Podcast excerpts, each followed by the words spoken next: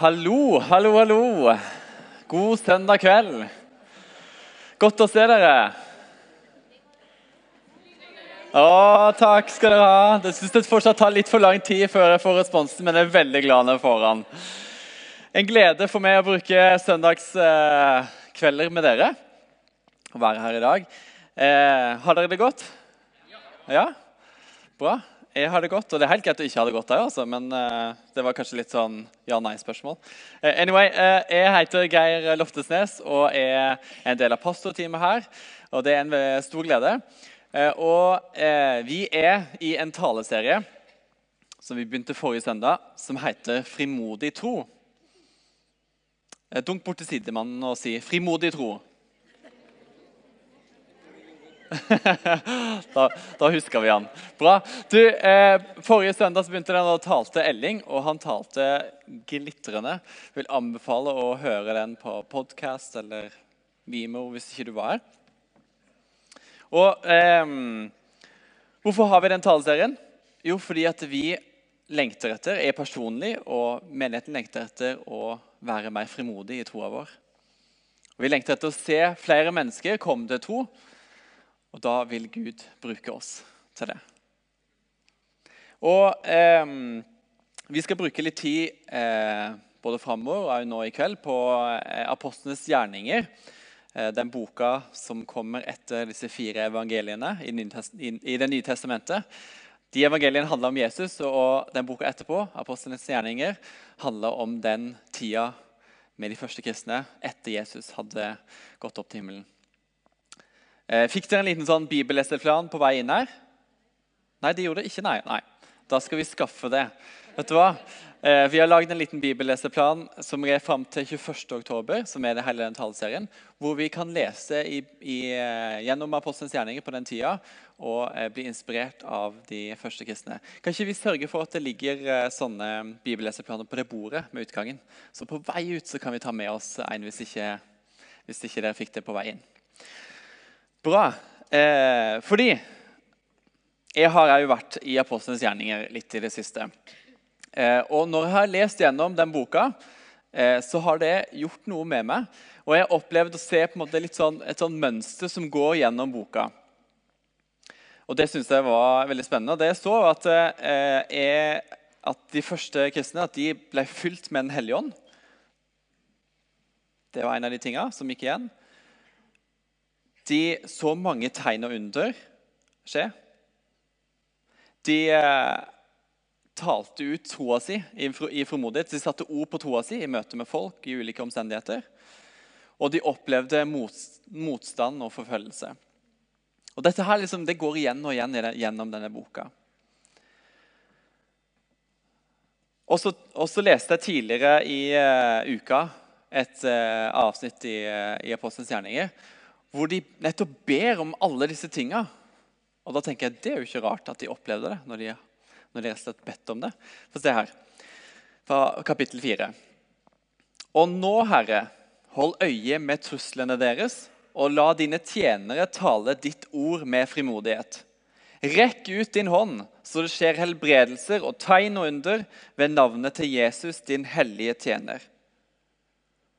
Så det, da de hadde bedt, så skalv stedet der de var samla. Og de ble alle fylt av Den hellige ånd og talte Guds ord med frimodighet. Bare ha, ha denne sliden der oppe. Eh, jeg vet ikke hvilke, hvilke um, assosiasjoner du har til orda 'frimodig tro'. Kanskje noen kjenner at å, det kjennes litt som strev. liksom. At nå må jeg liksom ta meg sammen, eller et eller annet sånt, eller her har jeg feila tidligere. liksom. Dette er noe jeg ikke helt får til. Eller om du blir veldig begeistra og tenker yes, dette er jeg klar for. Woo! Frimodig tro, yeah! Eller om du er midt imellom her et sted. eller et eller annet. Jeg vet ikke hvor du er. Men det som både dette verset sier, og boka, er at utgangspunktet er at de blir alle fylt med Den hellige ånd. Og så talte de Guds ord med frimodighet. Og det er et så deilig sted å begynne. Det er et så bra utgangspunkt. Bli fylt med Ånden først. La det være fundamentet. Det er ikke meint til å være strev, ikke meint til å være kav, det er ikke meint til å være påminnelse om noe du ikke får til osv. Men det er Den hellige ånd som gir kraften. Og Det, det er jo eh, veldig tydelig helt fra begynnelsen av boka. Eh, da er det sånn at Jesus eh, snakker med disiplene. Vi kan få opp den teksten der. Eh, og da står det, Mens de var sammen, så spurte disiplene Jesus.: Herre, er tiden nå kommet når du vil gjenreise riket for Israel? Da svarte Jesus. Det er ikke dere gitt å kjenne tider og stunder som far har fastsatt av sin egen makt. Men dere skal få kraft når Den hellige ånd kommer over dere. Og dere skal være mine vitner i Jerusalem og hele Judea, i Samaria og helt til jordens ende. Sånn, disiplene kommer sammen og spør Jesus er det nå er det nå det skal skje. Er det nå du kommer igjen og skal fikse alt i denne verden? Er det nå vi skal komme til himmelen og alt skal være greit igjen? Og svarer han nei, det, ikke, det, det trenger ikke dere bry dere om. Det har vi full kontroll på. Men jeg vil gi dere Den hellige ånd Sånn at dere kan være mine vitner og være med å gjenreise Guds rike på jorda her fram til den tida kommer. Like til jordens ende. I The Message-oversettelsen, den engelske sånn parafraseoversettelsen, eh, så står det And when the Holy Spirit comes on you, you will be able to be my witnesses. Altså, Du vil være i stand til å være mine vitner. Når Den hellige kommer, så vil du bli standgjort, istandsatt til å være mine vitner. Bra? Det er et ganske bra utgangspunkt. Å bli fylt med Den hellige ånd. Og Dette er utgangspunktet for alt det som skjer i apostelens gjerninger etterpå. Og det, det, skjedde på pinsedag. Da står det at alle ble fylt av ånden. De ble alle fylt av ånden, og så talte de eh, tunger og språk som de ikke engang hadde lært, men som gjorde at menneskene rundt dem som kunne forskjellige språk, plutselig forsto evangeliet på deres eget morsmål. Det var det som skjedde da. Utgangspunktet var den ånd, at Den hellige ånd kom, og så kunne de være vitner. Og det er utgangspunktet for oss i dag. At Den hellige ånd kan fylle oss og gi oss kraft og mot til å være hans vitner. Så er vi kraftløse, så kan vi gå til kraftstasjonen. Kjenner vi at det her utfordrer oss? Liksom, det er ikke helt der. Liksom, det, får ikke helt det til. Det, det er strevsomt. Bla, bla. Begynn på det riktige stedet. Søk Den hellige ånd. Be Den hellige ånd komme og fylle deg opp akkurat der hvor du er nå. I den situasjonen der hvor du er nå. Det er et så godt sted å starte. Jeg tror Den mest bedte bønnen i mitt liv eller definitivt den mest bedte bønnen i mitt liv er Kom, Hellige Ånd. Kom, Hellige Ånd. Kan si det hele tida, når som helst, overalt.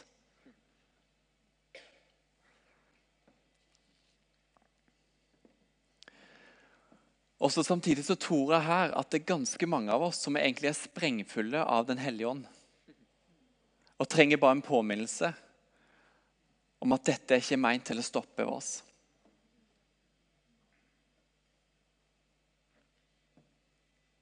Amen. Jeg, eh, før jeg går videre, så har jeg bare lyst til å be her og nå om at Den hellige ånd kan komme og fylle oss opp. Og De som hører på podkast, eller hva det måtte være, tro for at Den hellige ånd vil fylle oss opp, opp akkurat der vi er. Så kom, Hellige ånd. Vi vil ha mer av du. Og vi vil bli fylt av din ånd på en måte som gjør at vi bare ikke klarer å la være å fortelle om det vi har sett og hørt. Gi oss kraft og gi oss mot, mot, det motet vi trenger akkurat nå. For denne dagen, for de neste dag, dagene. Bare inviter Den hellige ånd til å komme inn i ditt liv akkurat der hvor det er. Bruk dine ord, så lar jeg det bare være stille.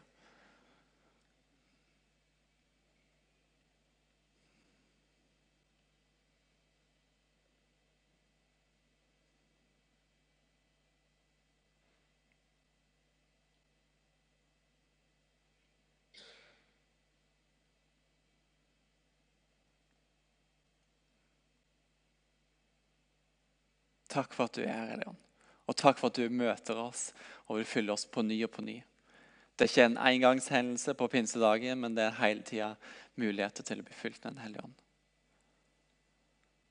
Mm. Amen. Jeg skal følge litt eh, Stefanus i Apostlenes gjerninger. og Da må vi gå til eh, kapittel 6, fra vers 8. Så står det at Stefanus var full av nåde og kraft og gjorde store under og tegn blant folket. Og Da er vi midt i eh, en tekst som sier oss noe om at eh, altså når første, de første kristne var samla, så var det en enorm raushet de hadde overfor hverandre. De delte alt de hadde, og tenkte at det var liksom felles. Eh, og eh, De ga bl.a. mat til alle enker, for de var dårlig stilt i det samfunnet. Så De hadde sånn fast matutdeling blant enkene. Og Så oppdaga de etter hvert at de gresktalende enkene de ble litt sånn diskriminert i møte med de hebraisktalende enkene. Og Da skjønte de at ok, dette, her, dette er jo ikke Guds vilje. Så her må vi fikse, må vi ordne et eller annet. Så da fant de noen menn som kunne eh, styre ja, det kunne være kvinner, men poenget er at de fant noen mennesker som eh, kunne styre litt, sånn at de, dette fungerte bra. Eh, og eh, da valgte de bl.a. Stefanus. Og Stefanus, Stefanus han var en helt vanlig mann. En helt vanlig, frivillig mann i kirka. Og likevel så var det store tegn og under som, som fulgte han. Det er ikke sånn tegn og under var forbeholdt apostlene eller hovedlederne i kirka. eller et eller annet sånt. Det var ikke det den gangen, og det er ikke det i dag. Det bør gi oss håp. Vi er kvalifiserte på samme måte som Stefanus var det. Og så ser jeg, eh, Når jeg leser gjennom apostlenes gjerninger, så er det, det altså, eh, Jeg vil sterkt oppmuntre, skråstrek utfordre, til faktisk å lese apostlenes i den tida. For det er, det er, mye spesielt som står her, eh, og det er mange historier om tegn og under. Og... Eh, en av de episodene som vi fascineres mest av, er fra kapittel 12. Da eh, står det om eh, Peter. Og vi vet at eh, Peter han var jo en som fornekta Jesus tre ganger. Så nei, jeg, vil ikke ha noe med det, jeg har ikke noe med Jesus å gjøre sånne ting, før han døde på korset. Og Samtidig så blir han så fylt av Den hellige ånd etter dette her, at når pinsedagen kommer, så er det han som står fram og sier dette er det vi tror på. Dette er den Jesus vi tilhører, osv. Så, videre. så Gud har, har forvandla han totalt. Fylt han opp med, med sin Hellige Ånd og frimodig, lever i en frimodig tro. Og Så er det kommet til dette tidspunktet hvor, hvor kristne blir forfulgt, og noen har blitt henretta. Og nå har Peter blitt fengsla under Herodes. Og så er det eh, sånn at det er noen kristne samla som holder på å be, be for Peter. Og den natta så skjer det noe spesielt. For Herodes han har sørga for at Peter overhodet ikke skal slippe løs. så han, han, Peter sover mellom to vakter. Han er lenka fast, og det er flere vaktskifter frem, altså, i fengselet. Og Så opplever Peter at en engel som dytter han i sida på natta, og lenkene løsner. Og han går forbi vaktposter etter vaktposter. Og dørene åpner seg, og fengselsporten åpner seg. Og når han kommer på utsida, så oppdager han oi, dette her var ikke en drøm. Det er helt virkelig. Altså, Hvis vi bare stopper opp der, så er det jo en helt utrolig historie. Og så, og, og så velger, altså Selvfølgelig går Peter til de kristne der, altså der hvor han vet at de kristne er samla, et hus. og Så banker han på døra. Og så er det ei som heter Rode, som kommer og, og, og eh, hører hvem det er. Og så får hun høre at det er Peter. og det er sånn, what? Vi ber jo nettopp for Peter, og så er han her. Så, så springer hun inn til de andre, så har hun glemt å lukke opp døra. Så står, Peter står utenfor. Springer hun til de andre og sier ah, 'Peter er der sånn, liksom. Han er rett ut forbi.' Og de bare Nei, nei, du er fra sans og samling. Og så tenker jeg her ber dere for Peter, men de har ikke tro for at det skal skje. liksom. Og så Neste responsen er Nei, det må være engelen til Peter. Og da tenker jeg Dere har mer tro for at det er Peter sin engel, enn at det er Peter sjøl som står på utsida. Det sier noe om at engler var mye mer normalt enn det kanskje vi opplever i dag. De hadde en, en, en eh, opplevelse av, av, tegn og under som, som, ikke, som jeg lengter etter sjøl. Det var naturlig, det var vanlig. De hadde tro for det. Og Det er flere historier i Apostlenes gjerning som, som, fascinerer. Jeg skal ta én til. og Det er unektelig den mest morsomme, syns jeg. Eh, og det er eh, når Paulus eh, han, er i en kirke og så vet han skal reise videre neste dag, så må han bare utnytte den tida maksimalt, så han taler i det uendelige.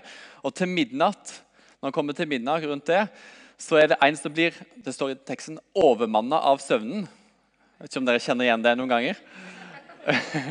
og han sovner, og så faller han ut av vinduet flere etasjer ned. Og Så kommer det noen ned og plukker han opp og innser at han er død. Eh, og Så kommer Paulus og omfavner han, og så blir det liv i han igjen. Og så fortsetter Paulus å tale til det lysner. Da tenker jeg bare åh, Det gir meg så mye frimodighet til å holde på lenge i kveld. Jeg tenker Det er helt greit. Men tenk for en historie. Det er jo helt, altså, hvis jeg hadde liksom vært Paulus, da hadde jeg nesten prøvd å sørge for at den historien ikke kommer med i bøkene videre. for det nesten vært litt flaut, liksom.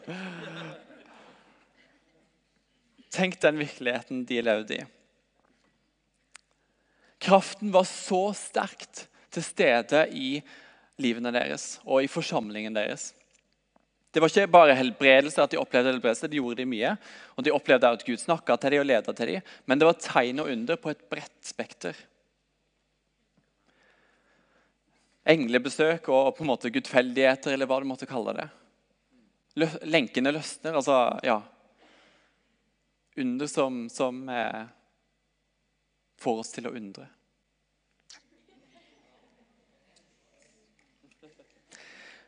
Og veldig ofte så er resultatet at folk kommer til tro. Veldig ofte var det resultatet. At folk kommer til tro. Men det skjer ikke alltid. Og Jeg har bare lyst til å si en liten sånn parentes. Vi må, jeg, jeg hører av og til noen sier liksom at ja, tegn under det er bare sånn middel for at folk skal komme til tro. Og det er feil. Tegn under er ikke bare et middel. Hvis vårt mål er å gjøre Guds vilje, så vil det mange ganger se ut som å ha tro for å be om tegn og under. Og da er det vårt mål. Og så får fruktene av det det får være opp til Gud og andre mennesker. Men hvis Gud kaller oss til det, så er det målet vårt. Ga det mening? Jesus gjorde mange tegn under, og alle kom ikke tro der. Når det er sagt, så er det, er det gjennomgående at folk kommer til tro etter at de erfarer tegn og under. Og Hvordan kan dette her se ut i våre liv? På den ene siden kan vi tenke liksom, at det var en helt annen tid. og bla bla bla. Ting. Nei, vet du hva? For en løgn det er å tenke sånn. Gud er den samme i dag. Han samme inn i vårt land i dag.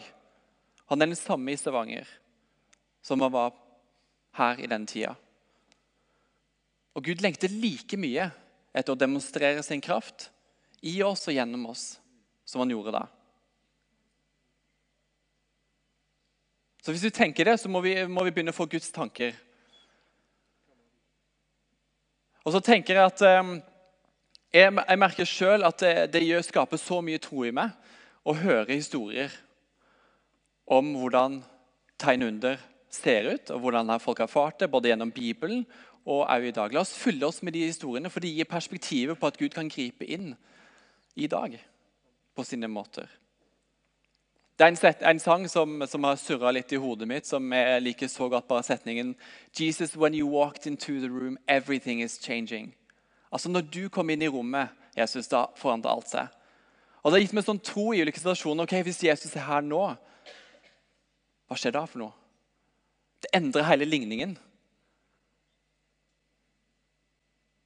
Hva er mulig da? Og så Jeg tenker at er, her, her, kjenner jeg på at åh, ja, jeg bare lengter etter mye mer enn det jeg ser i dag. For min egen del og for menigheten, for Stavanger. Skal vi ikke gjøre sånn som apostlene og den første kirka? De ber om at Gud må rekke ut sin hånd, så at tegn og under og helbredelse skjer ved Jesu navn. Kan vi ikke begynne å be om det? Og kjenner, nå, nå, begynner jeg nesten å skjønne sånn, oh, vekkelse her, altså. Men nå kjenner jeg vet du hva, at jeg tror at Gud vil rekke ut sin hånd her i kveld. Og jeg tror det er folk som lengter etter å se tegn under for sin egen del. Mer altså, i konkret i sitt eget liv. Men jeg tror også det er folk her som lengter etter å se at livet sine At, at ut ifra livet så springer det ut tegn under.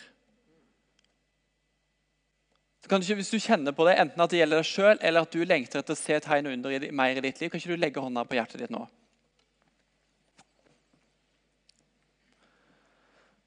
Jesus sier bare 'rekk ut din hånd' inn i våre liv.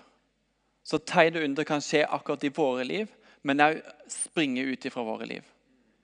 I vår hverdag. La oss få høre historier de kommende ukene om folk som har hatt englebesøk Om folk som har opplevd overnaturlige ting som, som sprenger rammene våre.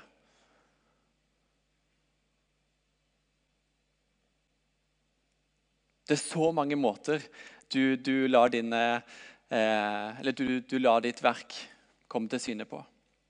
Vi bare sier vi vil ta det imot. Vi vil se det åpne våre øyne, øyne så vi kan se de både små og store gudfeldighetene.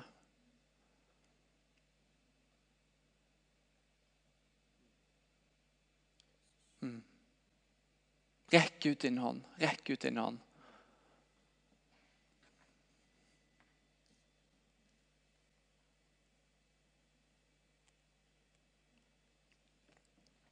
Ting som virker fastlåst, de trenger ikke lenger være fastlåst når du kommer inn i lignelsen. Ja, ligningen. Kom, Hellige Amen.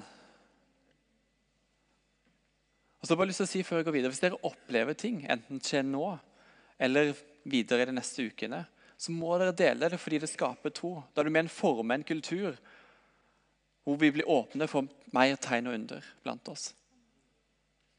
All right? Vi, vi, går tilbake til Stefanus og leser videre fra kapittel 6. Da sto det fram noen fra den synagogen som ble kalt en veldig spesifikk synagoge. Synagoge for frigitte og for kyrinerende og aleksandrinerne. ja, sant. Sånn langt sånn kirkenavn, liksom. ja. Um, sammen med jøder fra Kilikia og Asia så begynte de å diskutere med Stefanus.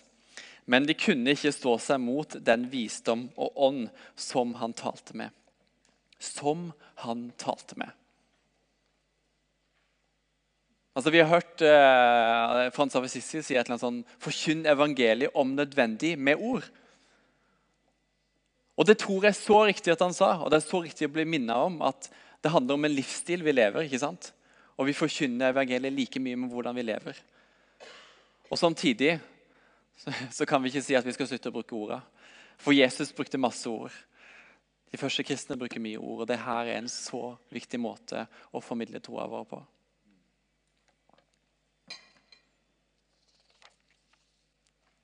Og Stefanus gjorde det så tydelig sjøl. Eh, og det er så mange historier fra, fra, denne boka om hvordan de tydelig setter ord på troa si. En av de liksom mest fascinerende historiene for min del er jo eh, en historie om Paulus, eh, som på et tidspunkt òg blir fengsla i Jerusalem. Og litt om og men så skal han sendes til Roma for å få sin dom der. Og På veien så er han på et skip hvor det er rundt 270 mennesker. Eh, og så eh, profeterer han for å oppleve at Gud sier til ham at, eh, at, det skal komme en storm og vind som kommer til å være ødeleggende. Og Så sier han det til, til liksom styrebåten, men de gidder ikke høre på han, de durer på.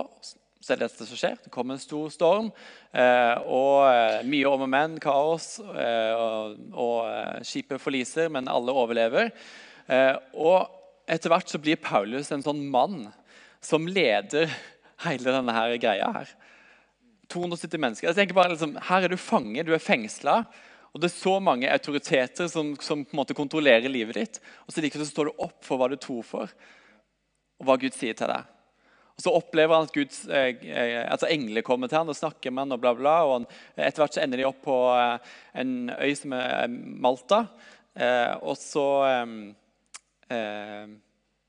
blir han bitt av en slange, men han dør ikke. og Så blir han leda til den fremste mannen på øya og helbreder faren hans. og begynner å helbrede masse folk der. Og så, hvert så får de reist videre til Roma. Og når de kommer til Roma, så sier den eh, offiseren, eller den, den, mannen som har ansvar for Paulus eh, som fange, han, at, han, sørger for at Paulus får bo med han. Og da tenker jeg liksom Når du som fangevokter vil ha fangen din boende hos deg, da har denne fangen gjort noe med deg.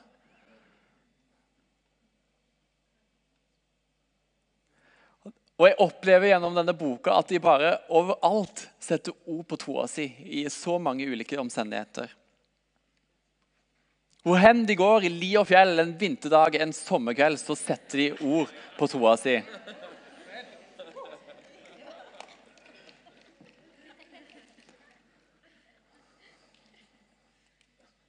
Hvordan ser det ut å bruke ordene våre til å formidle tro?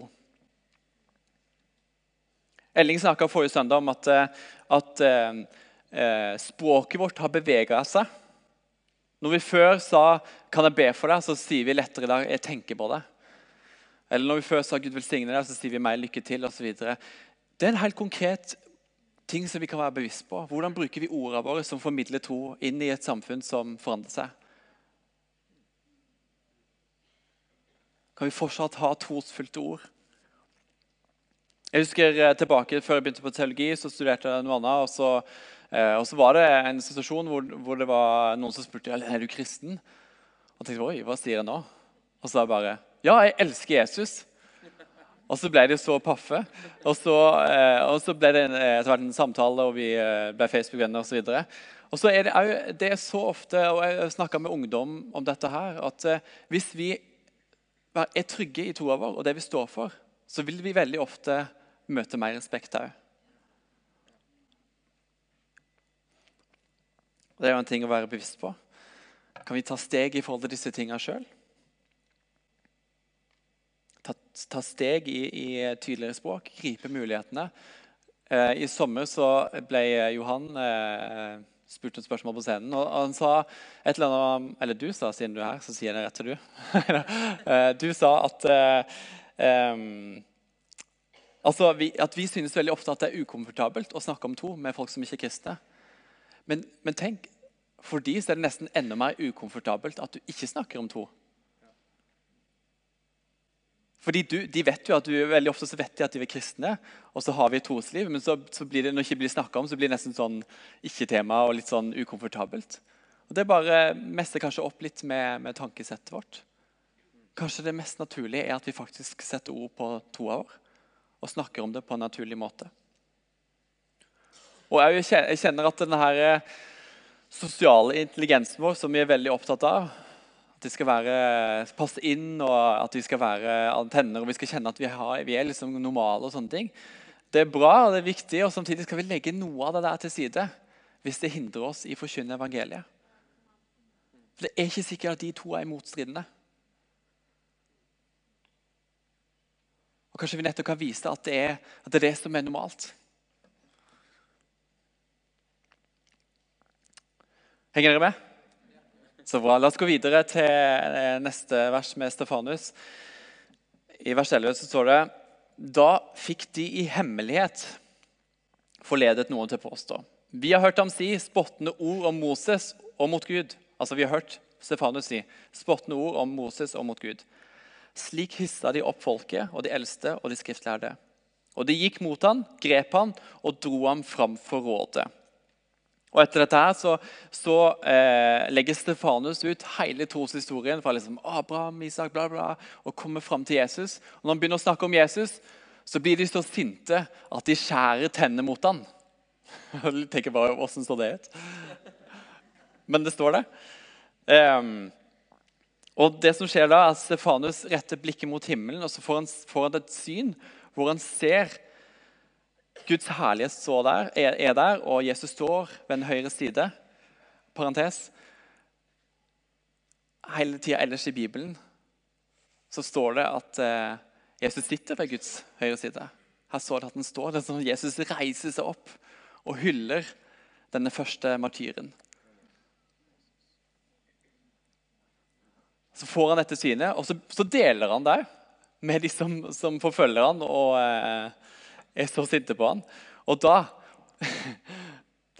Det er litt sånn primitivt, dette her, men da holder de seg for ørene og begynner å skrike. Så det. Jeg, det, jeg ser det for meg, jeg syns det er vittig. i hvert fall. Det får meg til å le litt. Og etter hvert så, så eh, blir det mer og mer alvorlig. Og de begynner å, å, å, eh, at de ønsker å steine han, og han dør. Og på veien dit så sier han de samme tingene som Jesus gjorde på korset. Tilgi dem, for de vet ikke hva de gjør. Og ta imot meg, Gud. Ta imot min ånd.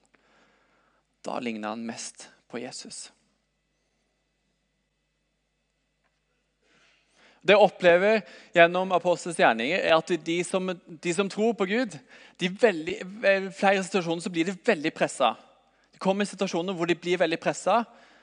Og så at de nesten presser inn i et hjørne. og så Enten så kan de finne den, den letteste fluktveien, men de velger ikke det. De velger å stå opp for det de tror for akkurat i de situasjonene.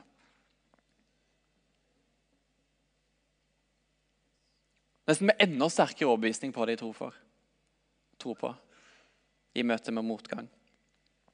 Og Apostlenes gjerninger og den tida her viser oss kanskje en mer sånn eh, Det virker mer brutalt enn det vi opplever her i dag forfølgelse og sånne ting eh, fysisk på den måten. Det, det, er ikke sånn det ser ut her i dag. Men jeg husker å ha lest for en eh, god stund tilbake siden om, om den himmelske mann eh, i Kina som opplevde masse forfølgelse, sto i eh, utrolig mye spennende der. Han sa at når han kom til Vesten og fikk avisskriverier mot seg, eh, så sa han at, at han syntes nesten det var mye verre enn den forfølgelsen som var i Kina. Og Poenget her er ikke å sammenligne forfølgelse, men det prøver å si at, at motstand i vår tid, i vår setting Kanskje det ser litt annerledes ut. Martin har sagt at, eh, at forfølgelse har som mål å gjøre oss tause. Kanskje den motstanden vi opplever når vi står opp for hva vi tror for, eller når vi begynner å dele evangeliet osv., at den har vært med å gjøre oss litt tause.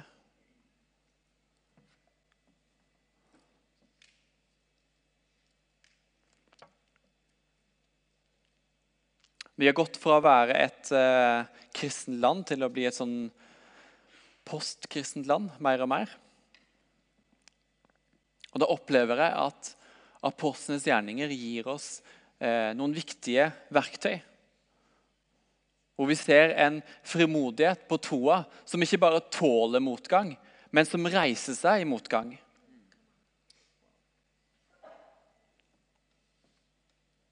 Få høre her. Det står videre.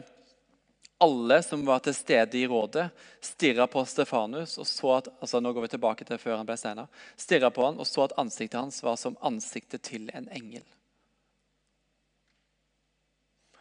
Rådet får høre en visdom som er uovervinnelig i diskusjoner. Det blir satt ord på troa, hele historien. De vet det er en mann som ser store tegn og under. Og når de presser han som mest, så lyser, ans lyser ansiktet hans på overnaturlig vis. Det er ingen ganger Gud er så synlig som når vi lever ut troa vår frimodig i ulike situasjoner. Gjennom frimodig tro så blir Gud mest synlig. Og Opplevelsen er jo gjennom boka er at eh, at eh, folk stadig vekk, altså apostlene og de toene og de første kristne stadig vekk setter folk på valg. Folk må velge vil du tro på dette, her, vil du være en del av det, eller vil du ikke. Blir satt på valg ut ifra tegn og under som de ser. altså De må forholde seg til det. Det er jo vår erfaring når vi ser tegn og under i møte med folk som ikke er kristne. sånn, oi, nå må vi tenke nytt om dette her. Gjennom tegn og under så må folk forholde seg til, til vil de tro på dette her eller ikke.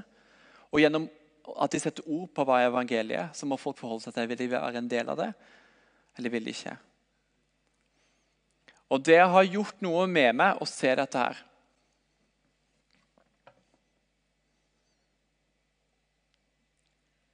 En tekst fra kapittel 20 eh, så står det Paulus sier ehm, Men for meg er ikke liv eller død verdt å snakke om, bare jeg fullfører løpet og den tjenesten jeg fikk av Herren Jesus, og vitne om evangeliet om Guds nåde. Og nå vet jeg at dere alle, som jeg har levd blant og forkynt riket for, aldri mer skal se ansiktet mitt fordi han skulle reise videre. Så står det videre her. Derfor erklærer jeg for dere på denne dag at det er uten skyld om noen forspiller sitt liv. For jeg har på ingen måte unnlatt å forkynne hele Guds plan og vilje. Wow! Tenk å kunne si det. Jeg har på ingen måte unnlatt å forkynne hele Guds plan og vilje. Åh, jeg kjenner at det lengter etter sjøl. Helt ærlig, jeg er ikke der hvor jeg kan si det. I sommer så eh, var det noen naboer av oss som skulle flytte. Eh, som, som, ikke tror på Gud. Og eh, vi har bedt for dem, og så etter hvert sommerferien så slo det meg at oi Tenk om de skulle flytte videre til et eller annet sted ut forbi Haugesund. Og så tenkte jeg tenk om dette var egentlig muligheten for de. Hvor de på en måte kunne bli stilt på valg i forhold til hva de tror, for, tror på. At de bodde i mitt nabolag, var mine naboer. Tenk om det var muligheten. Og Det ble litt sånn alvorlig for meg. Og Hvis ikke du kjenner meg, så ikke tenk at dette her var en sånn fordømmende tanke, for det, det var det overhodet ikke. Det er ikke noen fordømmelse for den som er Jesus Kristus. Det gjelder oss alle. Men det ga meg perspektivet at oi, vet du hva? Jeg vil bruke de mulighetene jeg har. Jeg vil kunne mer og mer si at jeg har ikke unnlatt å, få, å, å gi folk muligheten. Stille folk på valg. Gjennom måten jeg lever livet på, gjennom tegn og under, gjennom ordet jeg bruker.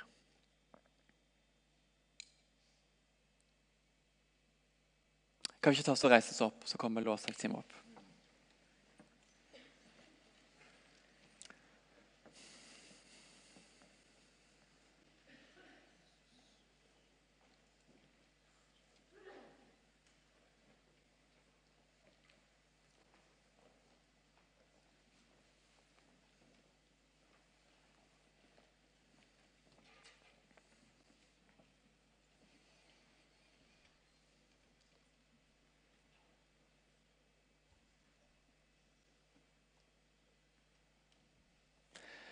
Eh, før eh, Tidligere uka når vi ba for denne søndagen og for gudstjenestene, så var det en som fikk et bilde hvor eh, egentlig poenget var at eh, det er ikke vi Eller det, det, er, det, er, vi som må ut av vår komfortsone for at andre mennesker skal komme til tro.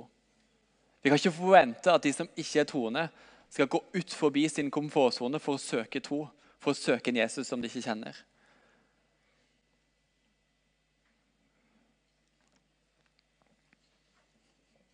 Og jeg kjenner at eh, Gud kaller meg personlig. Og at Gud kaller menigheten som familie og fellesskap til å se et større gjennombrudd på en tro som leves ut frimodig der hvor vi er.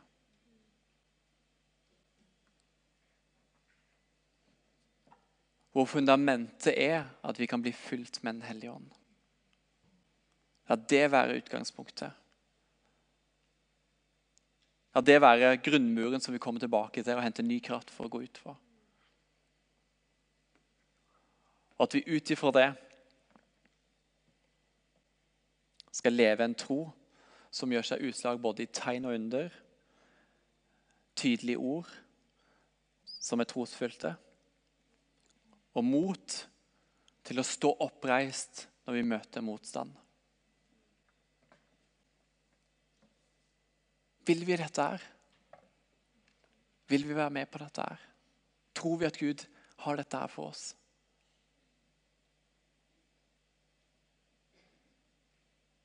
Kjenner for min del ja, Gud, jeg, jeg tror du har dette her for meg. Og ja, jeg vil dette her. Altså For ditt svar gjelder du. Men kan, altså Historien om Stefanus er egentlig historien om du. Det er ikke noe forskjell på Stefanus og du. Du kan egentlig bytte ut Stefanus sitt navn med ditt eget.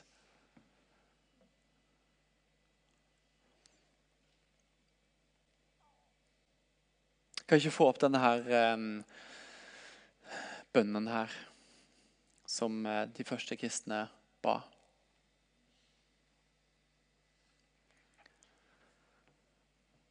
Kan ikke vi sammen nå være med og be denne bønnen? Si det ut sammen med meg. Og nå, Herre, hold øye med truslene deres, og la dine tjenere tale ditt ord med frimodighet. Rekk ut din hånd, så det skjer helbredelser og tegn og under ved navnet til Jesus, din hellige tjener. Mener du dette her? Så fortsett å be denne bønnen. Kom, Hellige Ånd, på ny og på ny, og møt oss, gi oss kraft og mot. Vi vet at dette har du for oss. Dette kaller du oss til. Alle er kvalifisert. Vi legger det gamle bak, og vi, vi løper framover. Lengter til det som ligger der foran. Vi har forventninger til det du skal gjøre.